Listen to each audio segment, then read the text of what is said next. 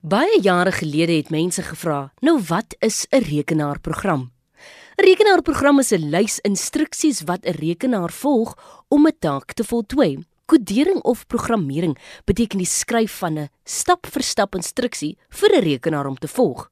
Ons besef nie, maar meeste van die toestelle wat ons gebruik, is programme van die wasmasjien tot die selfoon sakrekenaar, selfs die motorspeletjies in rekenaarsagte ware. Nou hierdie masjiene of toestelle volg almal 'n stap-vir-stap instruksie wat geskryf is deur 'n programmeerder.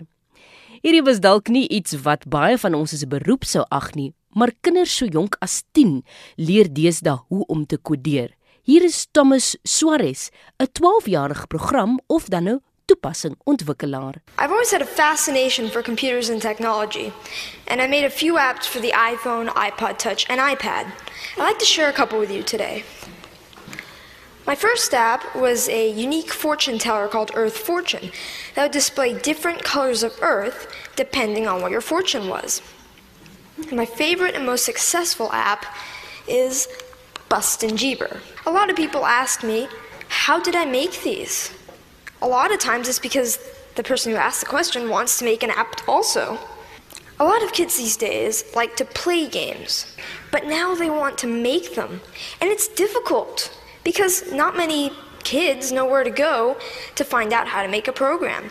I mean, for soccer, you could go to a soccer team. For violin, you could get lessons for a violin. But what if you want to make an app? And their par- the kids' parents might have done some of these things when they were young, but not many parents have written apps. Where do you go to find out how to make an app? Well, this is how I approached it. This is what I did. Uh, first of all, I've been programming in multiple uh, other programming languages to get the basics down, uh, such as Python, C, Java, etc. And then Apple released the iPhone, and with it, the iPhone Software Development Kit. And the Software Development Kit is a suite of tools for creating and programming an iPhone app. This opened up a whole new world of possibilities for me. And after playing with the uh, Software Development Kit a little bit, I made a couple apps. I made some test apps. Uh, one of them happened to be Earth Fortune, and I was ready to put Earth Fortune on the App Store. And so I persuaded my parents to pay the $99 fee to be able to put my apps on the App Store. They agreed, and now I have apps on the App Store.